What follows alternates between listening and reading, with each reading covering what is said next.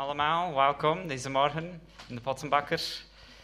Ehm, gisteren hadden we feest gevierd, 100 jaar bestaan. Ehm, ik heb al vanmorgen gehoord van mensen dat ze er echt van hebben genoten. Dat het een fijne tijd was, dat de sfeer heel goed was.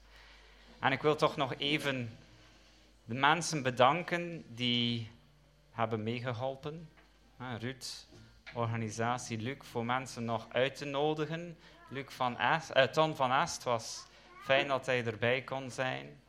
Voor iedereen die heeft geholpen om alles klaar te zetten en alles weer op te ruimen. Het was fijn dat er toch nog genoeg mensen waren nadien om alles op te ruimen. Dus dankjewel voor iedereen, ook voor de mensen die hebben uh, iets gebakken of meegebracht om te eten. Het was heel, heel, heel fijn samen, tijd samen. Ik denk dat we dat allemaal kunnen uh, beamen. Deze morgen zijn we hier op een zonnige dag om God te aanbidden. Zoals iedere week, zoals al 100 jaar is hier gebeurd in Kortrijk. En ik hoop dat we ook deze morgen met verwachting komen om uh, te horen wat God ons wil zeggen, om Hem groot te maken. Laten we dus bidden aan deze tijd opdragen aan Hem en vragen dat Hij het zou zegenen. Laten we samen bidden. Hemelse Vader, dank wel voor uw liefde, voor uw trouw, voor uw genade, dat u steeds iedere dag opnieuw bewijst aan ons. Dank wel voor deze nieuwe dag. Dank wel, Heer, dat wij hier mogen zijn, dat wij deze tijd samen hebben als gemeenschap als broeders en zusters om elkaar te bemoedigen, om samen u groot te maken, om te luisteren naar uw woord. Heer, wilt u aanwezig zijn door uw Heilige Geest? Wilt u tot ons spreken? Ik bid dat onze harten mogen open zijn voor wat u wilt zeggen deze morgen aan ons. Ik bid, Heer, ook voor uw leiding, voor de muzikanten, Heer. Gebruik ook het lofprijs om tot ons te spreken. En mogen wij echt uh, in uw aanwezigheid komen deze morgen om u groot te maken. Wees welkom. Amen.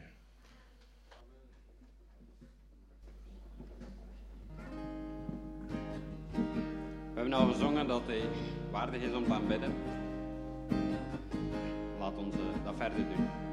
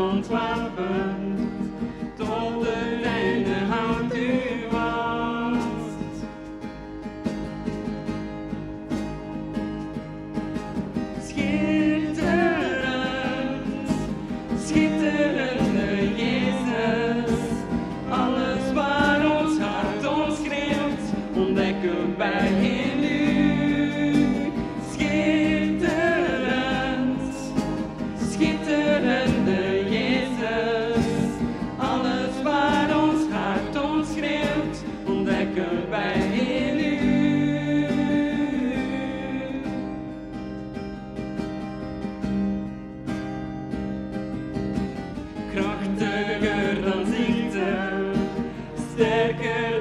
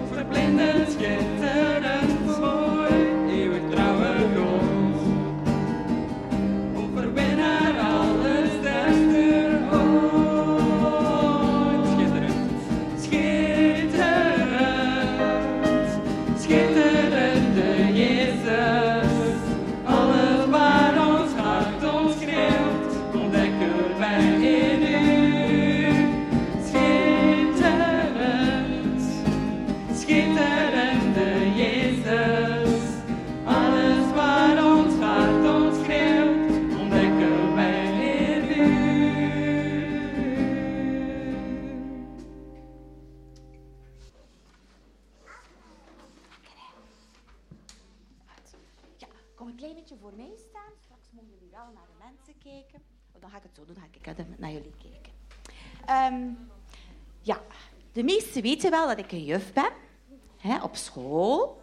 En de kindjes die bij mij in de klas zitten, die hebben al geleerd over eh, tegenstellingen. Maar geen zorgen hoor, ik ga vandaag geen les geven. Maar gewoon eventjes, weten jullie wat een tegenstelling is? Ja, voilà, dat een van mijn leerlingen. Zie. Tegenstelling is bijvoorbeeld, je hebt blij en het tegenstelde van blij is ehm, ehm, verdrietig. Heel goed, dus een beetje het omgekeerde. Ja? Eh, nu ga ik eens een voorbeeldje. En jullie moeten mij het tegengestelde geven. Ehm ikke, ikke, ikke. Alleen ikke. Wat zou het tegengestelde zijn van ikke? Niet ik, maar Jullie? Jullie, wij, jij, allemaal juist. Check. Ehm, wat zou het tegengestelde zijn van ehm, gierig? Gierig is iemand die al zijn centjes voor zichzelf wil. Delen. Delen, heel goed. Vrijgevig zijn, gul zijn, delen, super. Ehm, wat zou het tegengestelde zijn van alleen? Veel.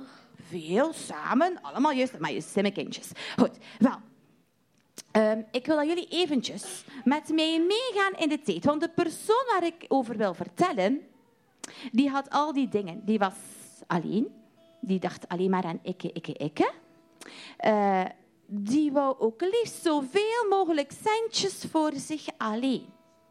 Ja, ik had eigenlijk een powerpointje voorzien, maar er is iets misgelopen en de powerpoint is er niet, maar we gaan doen alsof. Druk eens op de knop van de teletijdmachine. Zijn die klaar? En drukken. Zoef, je bent terug in de tijd. En je bent in, ja, ik kan het niet zien, ik kan jullie laten raden. Ik had een foto klaargezet van Israël. In de tijd van Jezus. Ja, en weten jullie wie er toen de baas was? Welk volk was er toen de baas? Iemand een idee? Ja, ik had ook een foto. Met de foto gingen jullie het zeker geweten hebben. De, ja, mm, de Romeinen waren daar toen de baas. Ja, je had het juist. En ehm, ze moesten ook belastingen, dat wil zeggen centjes, betalen aan de Romeinen. En ehm, dat waren niet de Romeinen zelf die dat deden, dat waren meestal de Joden die dat moesten doen. En weet je nog hoe die mensen in de Bijbel heten die de centjes van de mensen moesten gaan vragen? Je hebt fariseërs en je hebt... Titus. Dat is een persoon uit de Bijbel. To, to, to, to. Grote mensen? Voilà, de tollenaar. Voilà. Dus je hebt... ehm, en ik wil jullie straks vertellen over een tollenaar. Zijn naam was Zacchaeus. Ja. En ehm, zijn leven is helemaal veranderd. Hij vroeg dus centjes aan de mensen. Maar niet zomaar een beetje extra centjes natuurlijk. Ja, hij was inderdaad klein en heeft er een boom geklommen. En om Jezus, Jezus te ontmoeten. En na zijn ontmoeting met Jezus is alles veranderd. Maar daarover ga ik straks vertellen. Gaan we nog samen een laatste keer ons lied van de maand zingen? Ja, jullie kennen het hopelijk al. Ja, voilà. nu mag je wel eventjes misschien naar het scherm kijken en eh, meedoen met eh, uh, Jere en de rest van het team. Doe je mee?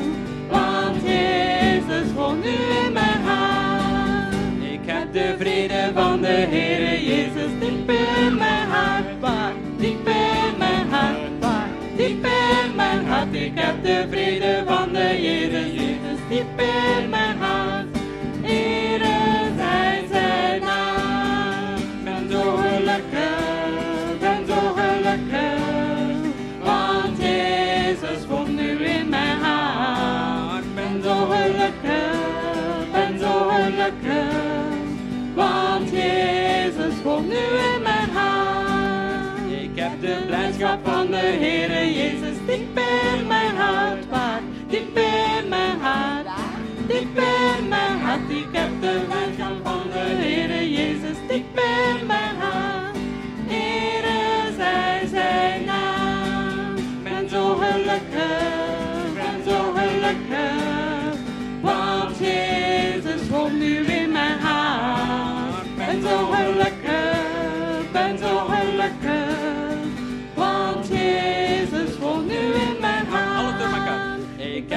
vreugde, liefde, vrede, blijdschap diep in mijn hart.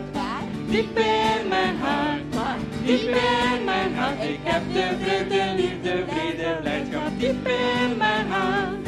Ere zij zijn naam, gelukkig.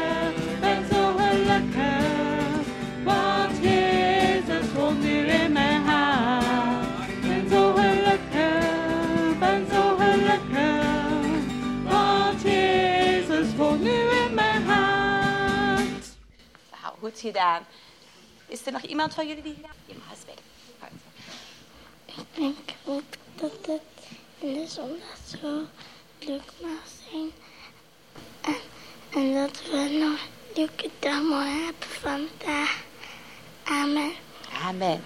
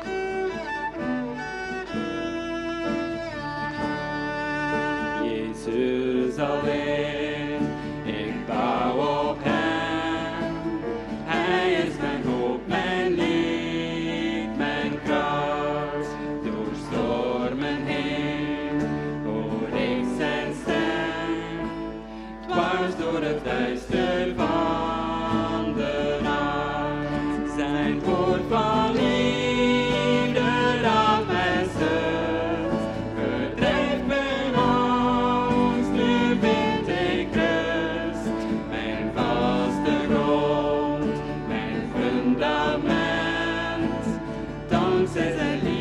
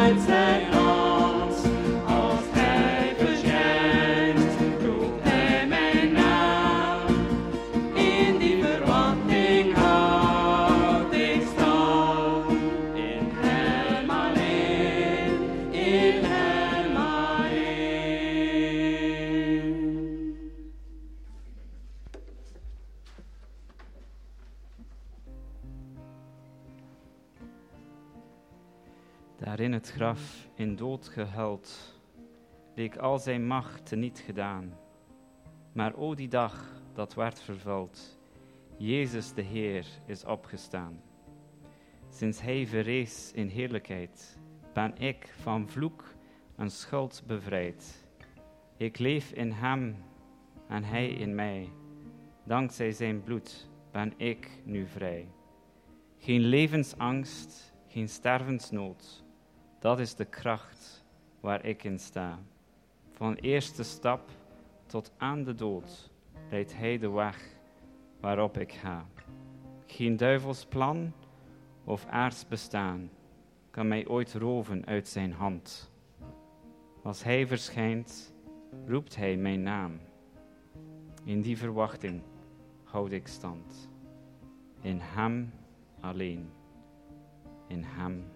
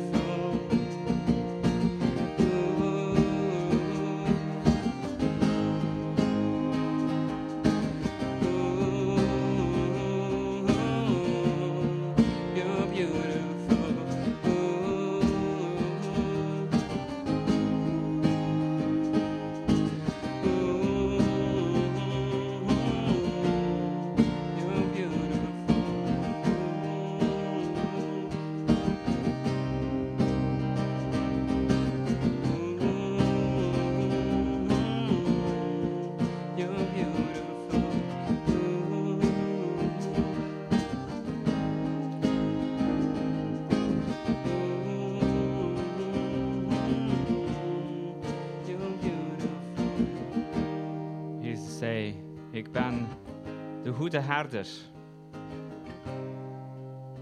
De goede herder geeft zijn leven.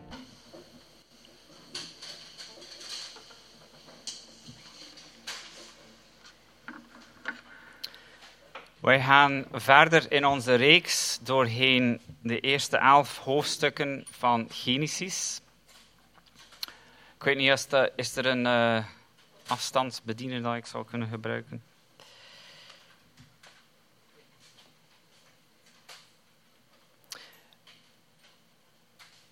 Misschien kunt u, het is nu een tijdje geleden, maar de eerste, dit is onze derde preek in deze reeks. De eerste ging over Genesis 1, het scheppingsverhaal en onze plaats binnenin dat verhaal. Dankjewel, Rina.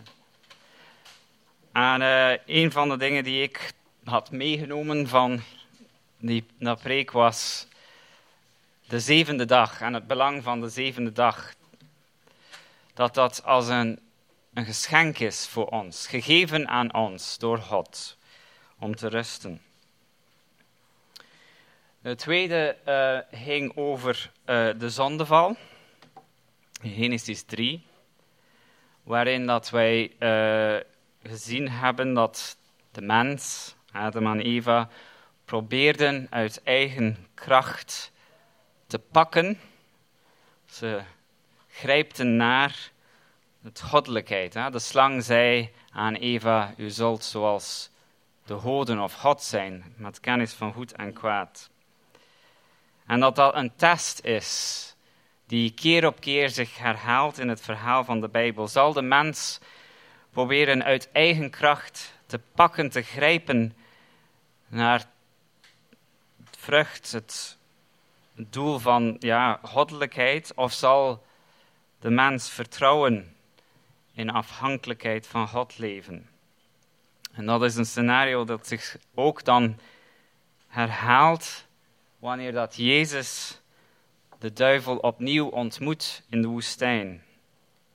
Aan de veertig dagen in de woestijn. En Jezus, daar zien we, heeft, is erin geslagen waar dat telkens opnieuw de mensen die voor hem kwamen hebben gefaald. Dus Jezus heeft de test wel doorstaan.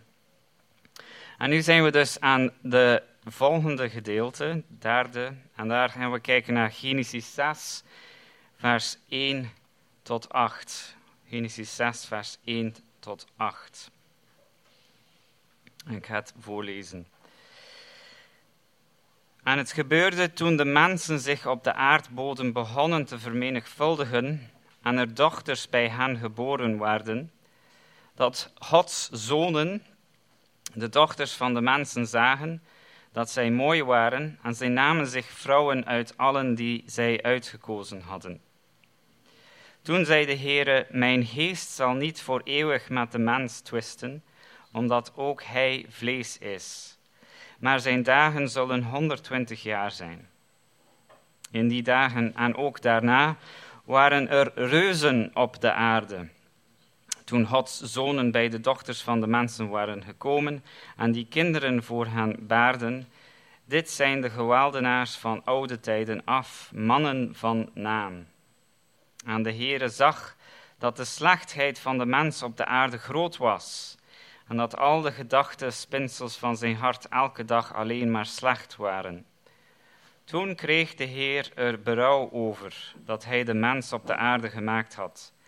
En het bedroefde hem in zijn hart. En de Heere zei, ik zal de mens die ik geschapen heb van de aardbodem uh, verdelgen, van de mens tot het vee, tot de kruipende dieren en tot de vogels in de lucht toe want ik heb er berouw over dat ik hen gemaakt heb. Maar Noach vond genade in de ogen van de Heer. Het is misschien een beetje van een cliché, maar de meeste mensen, als ze horen over de zondvloed, denken ze: hoe heeft God dat kunnen doen? Hoe kunnen wij als christenen spreken over een liefdevolle vader, over een goede God als hij zoiets doet. Al die mensen, al die dieren, ja, doden. Hoe heeft God dat kunnen doen? Was dat niet een daad van een wispelturige, gewelddadige God? Hoe kunnen jullie als christenen zeggen dan dat God goed is? En de vraag die we gaan samen bekijken deze morgen is: waarom heeft God de schepping onder water gebracht? Waarom heeft God de schepping onder water gebracht? Nu, misschien denken jullie, ja, het is duidelijk, omwille van de verdorvenheid van de mensheid. In vers 5 lezen we, en de Heere zag dat de slechtheid van de mens op de aarde groot was en dat al de gedachtenspinsels van zijn hart elke dag alleen maar slecht waren. Ja, het is omwille van de slechtheid van de mens dan dat God moest dit doen. En twee hoofdstukken eerder lezen we over een zekere Lamech in um, hoofdstuk 4, vers 23 tot 24, waar dat hij de volgende woorden uitspreekt. En Lamech zei tegen zijn vrouwen, Adam en Sila, luister naar mijn stem, vrouwen van Lamech, hoor mijn woorden aan. Verzeker, ik dode een man om mijn wond en een jongen om mijn striem. Want Kain wordt zevenvoudig gewroken, maar Lamech zevental, zeventig maal zevenmaal. Zeventig maal zevenmaal, dat wil zeggen veel meer. Het neemt toe.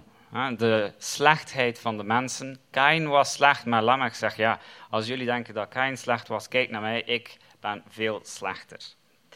Um, en hij stoeft daarover. Dus de slechtheid neemt toe. Ja, dus het is toch duidelijk dan dat God iets moet doen, omdat ze zo slecht waren dan. Nu, het is niet te zeggen dat het, het was zeker erg dan, maar persoonlijk denk ik soms is het niet een beetje te gemakkelijk om te zeggen de zondevloed. Ja, we kunnen dat verantwoorden door te zeggen dat mensen toen veel slechter waren dan nu. Ik weet het niet. Waren mensen toen slechter dan nu? Als je denkt aan de Holocaust of ja, noem maar op wat dat mensen kunnen doen. Hè. Het, is, het is verschrikkelijk. En ik denk, het is wel deel van het antwoord, maar er is meer. Er is meer in deze tekst over waarom dat God de schepping heeft onder water gebracht. En het heeft ook te maken met de zonen van God. Dus we gaan die vraag moeten antwoorden. Wie waren de zonen van God? Um, het is niet gemakkelijk en uh, ik ga mijn best doen om hier een deftig antwoord op te geven. En ik wil even naar Psalm 82 gaan om een antwoord hierop te geven. Psalm 82. Daar lezen we het volgende. God staat in de vergadering van God. Hij oordeelt te midden van de goden. Hoe lang zult u onrechtvaardig oordelen en de goddelozen bevoordelen? Doe recht aan de gerenigen en de wees Bewijs de ellendige en de arme gerechtigheid. Bevrijd de gerenige en de arme. Ontruk hem aan de hand van de godlozen. Zij weten niets en begrijpen niks. Zij wandelen steeds in de duisternis rond. Daarom wankelen alle fundamenten van de aarde. Ik heb wel gezegd: U bent goden, u bent allen zonen van de Allerhoogste. Toch zult u sterven als een mens Zoals iedere andere vorst zult u vallen. Sta op, o God, oordeel de aarde, want u bezit alle volken. Het beeld dat we hier krijgen in Psalm 82 is van God op de troon, als koning, als rechter, te midden van een soort raad, een hemelse raad. Een hemelse raad van ja, geestelijke wezens, die in het Hebreeuws soms Elohim worden genoemd. Goden. Elohim is het meervoud van God. Zonen van het Allerhoogste lezen we in Psalm 82. Ik ga even een theoloog citeren die daar heel veel onderzoek heeft over gedaan. Michael Heise en hij schreef het volgende. Wanneer al deze teksten, en het is niet alleen Psalm 82 dat verwijst naar de hemelse raad, de zonen van God, maar het is iets dat keer en keer uh, meerdere malen in de Bijbel, en zeker in het Oude Testament, voorkomt. Wanneer al deze teksten samen worden gelezen, ontstaat er een vrij duidelijk beeld. God wordt consequent afgebeeld op zijn hemelse troon, omringd door zijn raad, die deelneemt aan het bespreken en vervolgens uitvoeren van Gods plannen. De goddelijke troonzaal is de plaats van waaruit God met zijn hemelse raad de wereld regeert. De plaats waar Gods decreten die de menselijke gemeenschap en de goddelijke wereld besturen worden uiteengezet en door wie ze worden gecommuniceerd of uitgevoerd. Een ander voorbeeld is in Job. Aan het begin van het boek Job lezen we in vers 6: En het gebeurde op een dag dat de zonen van God kwamen om hun opwachting te maken bij de Here. Dat ook de Satan in hun midden kwam. Dus daar opnieuw dat beeld van God, een, een troonzaal, God op de troon aan andere wezens aanwezig. En God spreekt met zijn raad. God spreekt tot zijn raad. En dan lezen we ook in Job dat de Satan komt in het midden tevoorschijn in dat hemelse troonzaal. Eens je ogen hiervoor open zijn, zie je dat de hemelse raad, de zonen van God, keer op keer, verschillende keren in het Oude Testament voorschijnen.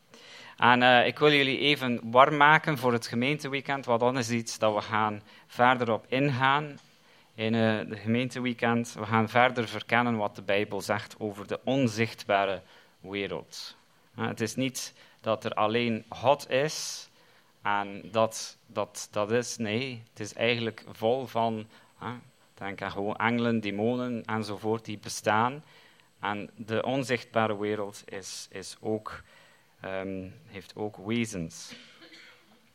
Dus terug naar Genesis 6. De zonen van God zijn dus geestelijke wezens die behoren tot de onzichtbare wereld. En wij lezen iets heel vreemds in deze tekst. Zij trouwen met of hebben gemeenschap met de dochters van mensen. Vrouwen. Bizarre situatie. Geestelijke wezens, onzichtbare wereld met mensen, zichtbare wereld. Hoe kan dat? Maar het wordt nog vreemder, want de kinderen die uitkomen uit de gemeenschap worden beschreven als reuzen, geweldenaars van oude tijden, madden van naam, in vers 4.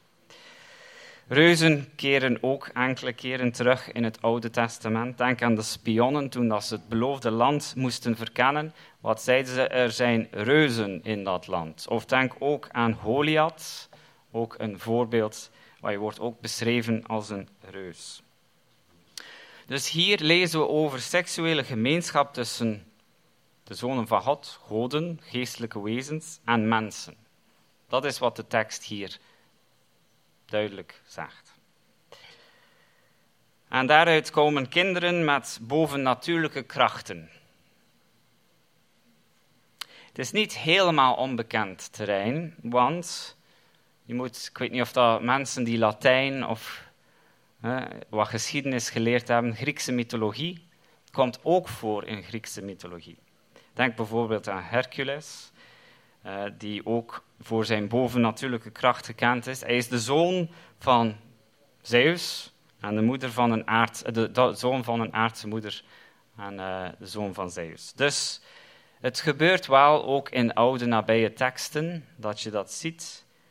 Ook in Egyptische en Babylonische teksten, waar dat er een soort gemeenschap is tussen goden en mensen en daaruit ontstaan deze helden van de oude tijd.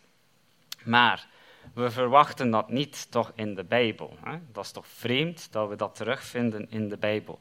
Wat moeten we hiervan denken dan? Al twee, twee dingen. Ten eerste de realiteit van een onzichtbare wereld. Geestelijke wezens, behalve God, bestaan. Ze zijn echt. De Bijbel is heel duidelijk en verwijst verschillende malen naar de realiteit van geestelijke wezens. Engelen, demonen, noem maar op. Zij bestaan. Maar de tekst maakt ook duidelijk dat het is niet Gods bedoeling voor de schepping dat er zo'n gemeenschap is tussen geestelijke wezens en mensen. Want de natuurlijke grenzen worden overschreden. God maakte de zichtbare wereld en de onzichtbare wereld. En ieder kreeg zijn plaats in die schepping. En hier zie je een grens, een onnatuurlijke gemeenschap die niet bedoeld is.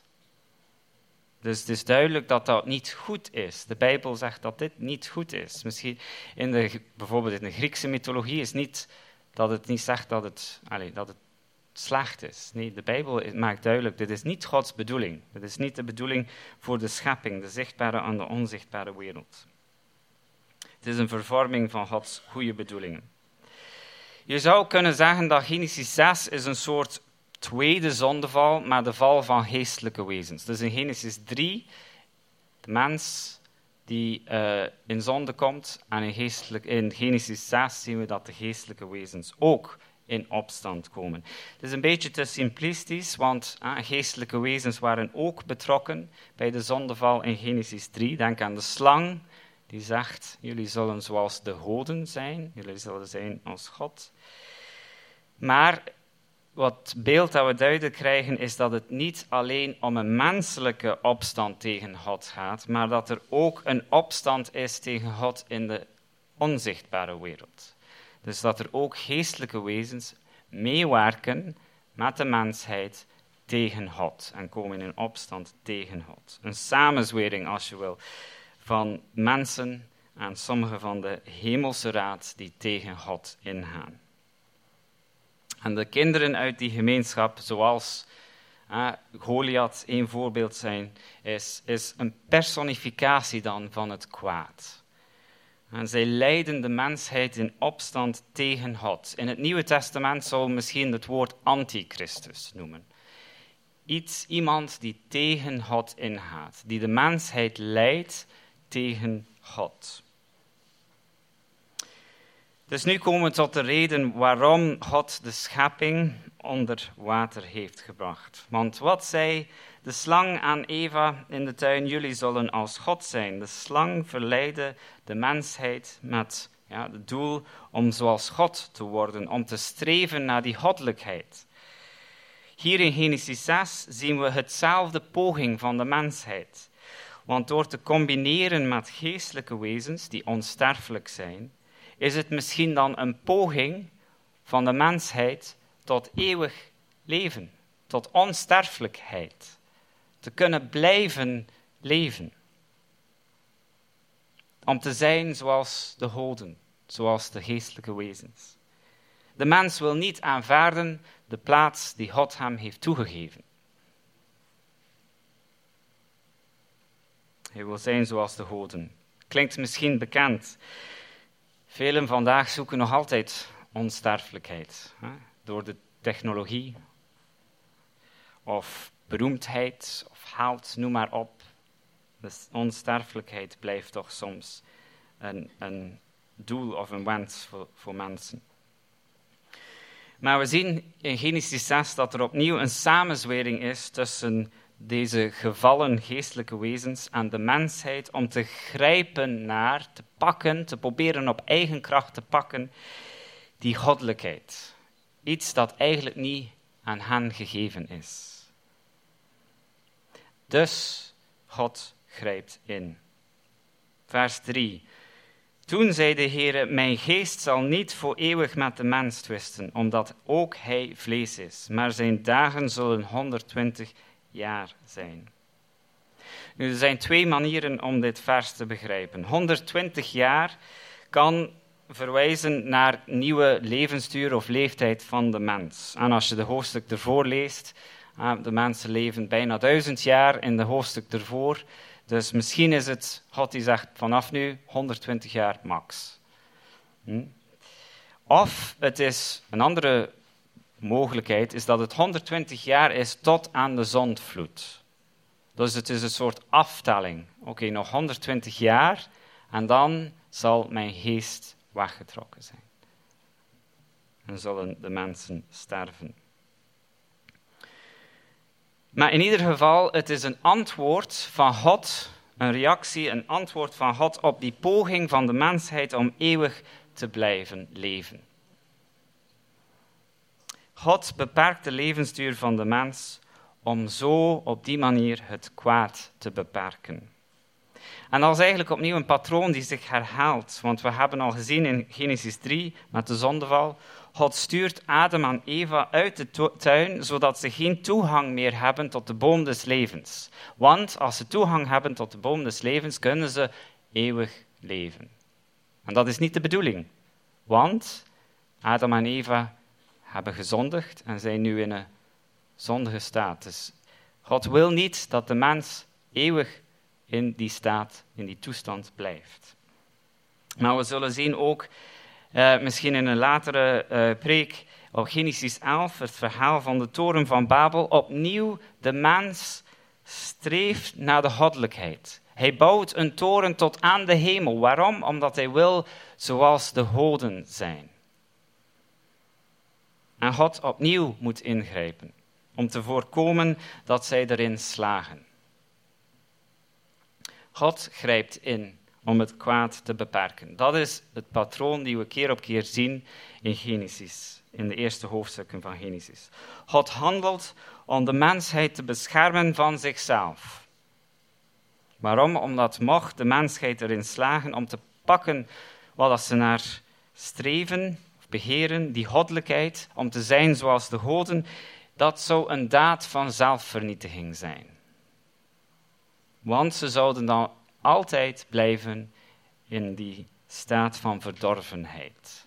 Er zou geen redding meer mogelijk zijn als de mens altijd in die staat blijft.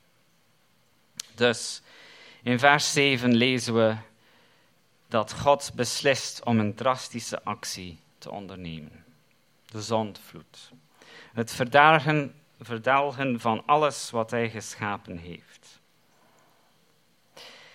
De zondvloed is een daad van, ja, in het Engels zouden we zeggen decreation, het ontschepping. Het ontdoen van wat in Genesis 1 en 2 gebeurde, de schepping.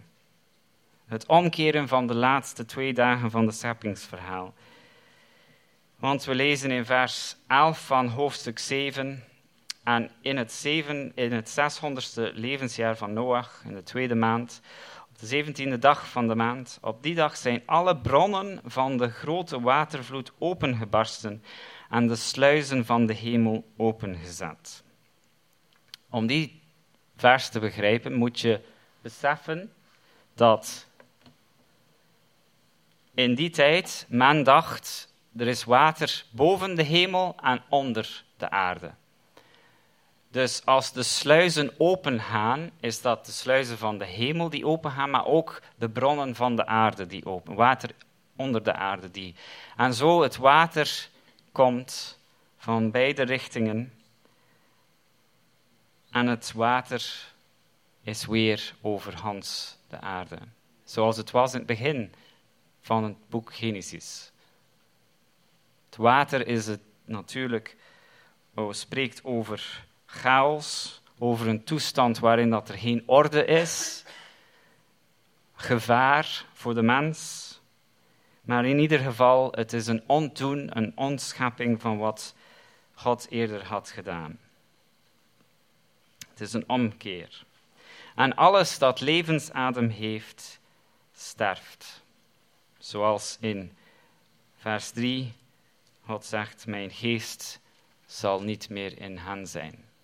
De levensadem dat ieder mens, ieder dier heeft, dat God geeft aan ons, wordt teruggetrokken. En alles sterft. Gelukkig is dat niet het einde van het verhaal, want er is een sprankje hoop. In vers 8, maar Noach vond genade in de ogen van de Heer. De rechtvaardigheid van Noach was genoeg om de mensheid te redden. De rechtvaardigheid van Noach was genoeg om de mensheid te redden. Het was voldoende voor God om verder te werken aan de mensheid. Er was genoeg goedheid daar om toch iets mee te doen. En dat is een belangrijk concept in de Bijbel van een overblijfsel, een remnant in het Engels. Een gedeelte die trouw blijft aan God. En daarmee kan God verder aan de slag gaan. Dat is ook iets dat keer op keer opnieuw terugkomt. Een gedeelte van Gods volk of een gedeelte van de mensheid die trouw blijft, waar dat er voldoende rechtvaardigheid is, dat God ermee kan werken. En we zullen zien dat God dan die kleine minderheid gebruikt tot zegen van de rest. Dat is ook een, een les daar voor ons als kerk. Hè? Wij voelen ons zeker soms een minderheid. Op het werk of in de samenleving, wij voelen ons een minderheid. Wij zijn als het ware een overblijfsel, een remnant. Maar God gebruikt die minderheid tot zegen van de anderen, de meerderheid. Dat is een patroon die je op keer op keer terugziet in de Bijbel. Dus om terug te gaan naar die vraag, waarom heeft God de schepping onder water gebracht? Wel, het antwoord is eigenlijk, het is een daad van genade. Je zou het niet denken onmiddellijk, maar het is eigenlijk een daad van genade, want het is om de mensheid te beschermen van zichzelf. Te voorkomen dat de mensheid voor altijd slecht is. En een weg te behouden waar dat redding, verlossing mogelijk is. Dat is dan de bedoeling van dat boot, om een weg vrij te houden, te bewaren, waaruit er dan verlossing komt voor de mensheid. Jammer genoeg zou het niet Noach zijn. Want kort nadien, na de zonvloed, lezen we: Hij maakt een fout. Hij is toch een mens, zoals iedereen maakt een fout. Hij faalt. Maar waar dat Noach gefaald heeft, waar dat koning David gefaald heeft, waar dat Abraham gefaald, waar al die mensen gefaald hebben, heeft Jezus erin geslaagd. Hij heeft de test doorstaan. En uiteindelijk is er dan verlossing door Jezus mogelijk. Maar mocht Noach niet behouden geweest zijn omwille van zijn rechtvaardigheid, ja, was er ook geen Jezus en was er geen redding mogelijk. Dus het is zeker geen daad van een uh, wispelturige en gewelddadige God. En welk beeld hebben we dan van God doorheen dit verhaal? Wat is uw beeld van God? Nou, als je God inbeeldt, denk je ook aan een soort boeman of iemand die graag straft, die graag doodt of die zoekt voor een excuus, een reden om mensen te straffen. Welk beeld van God krijgen we hier, hier dan in deze tekst?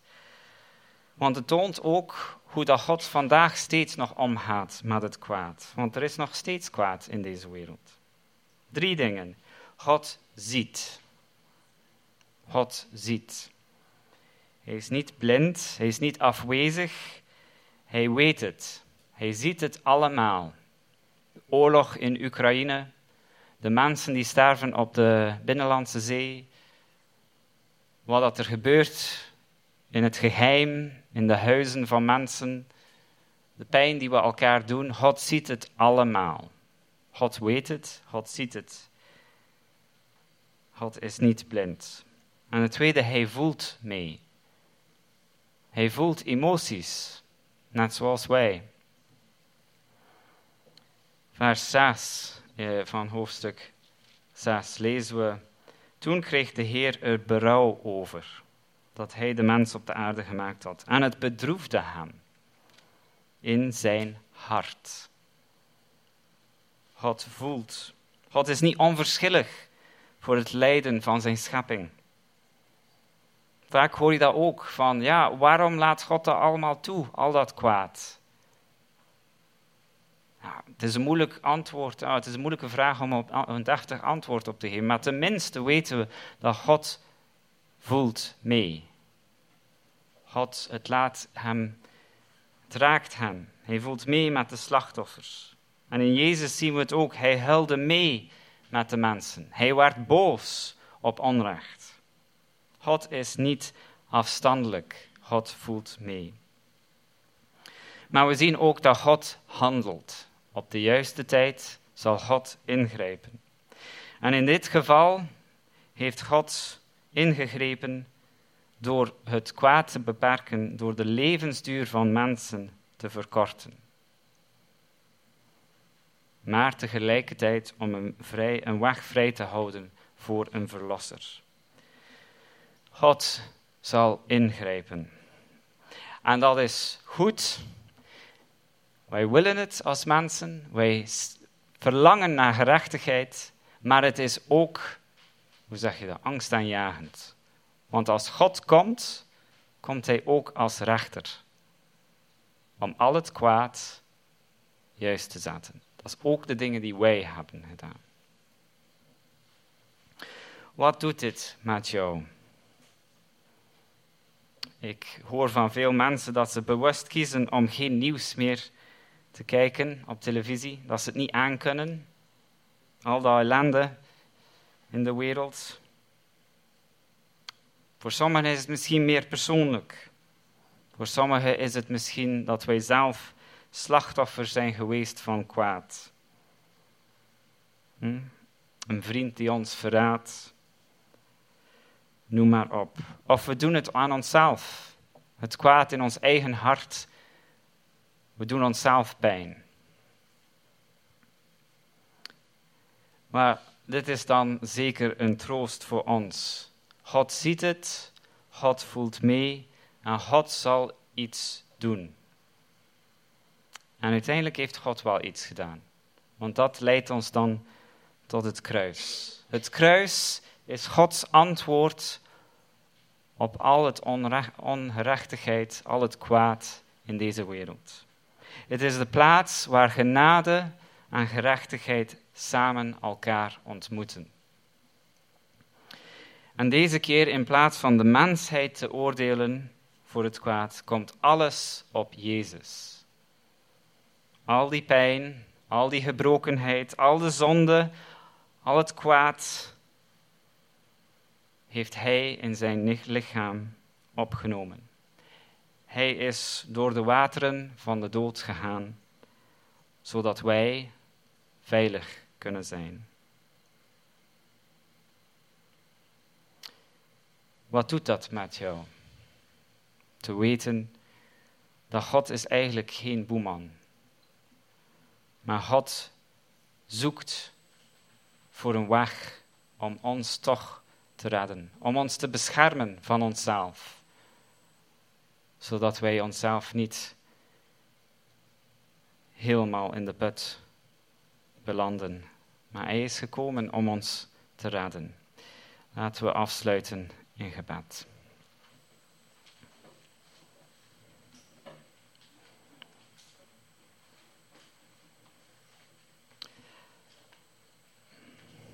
Dankjewel, God, dat u inderdaad een goede vader bent. Dat u niet afstandelijk bent, afwezig, maar dat u ziet, dat u voelt en dat u heeft ingegrepen door uw zoon te sturen naar deze aarde om te sterven. Om al het kwaad op zich te nemen en ook onze eigen gebrokenheid, onze eigen tekortkomingen, het kwaad dat wij doen aan anderen, aan onszelf. Heer, wij komen tot u. Wij zijn dankbaar. Wij weten, Heer, dat u ons lief hebt en dat u uw plan zult voltooien aan het einde van de tijd. Amen.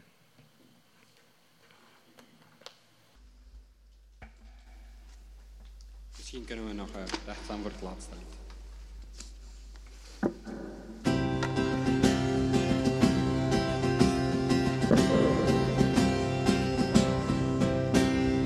Zing voor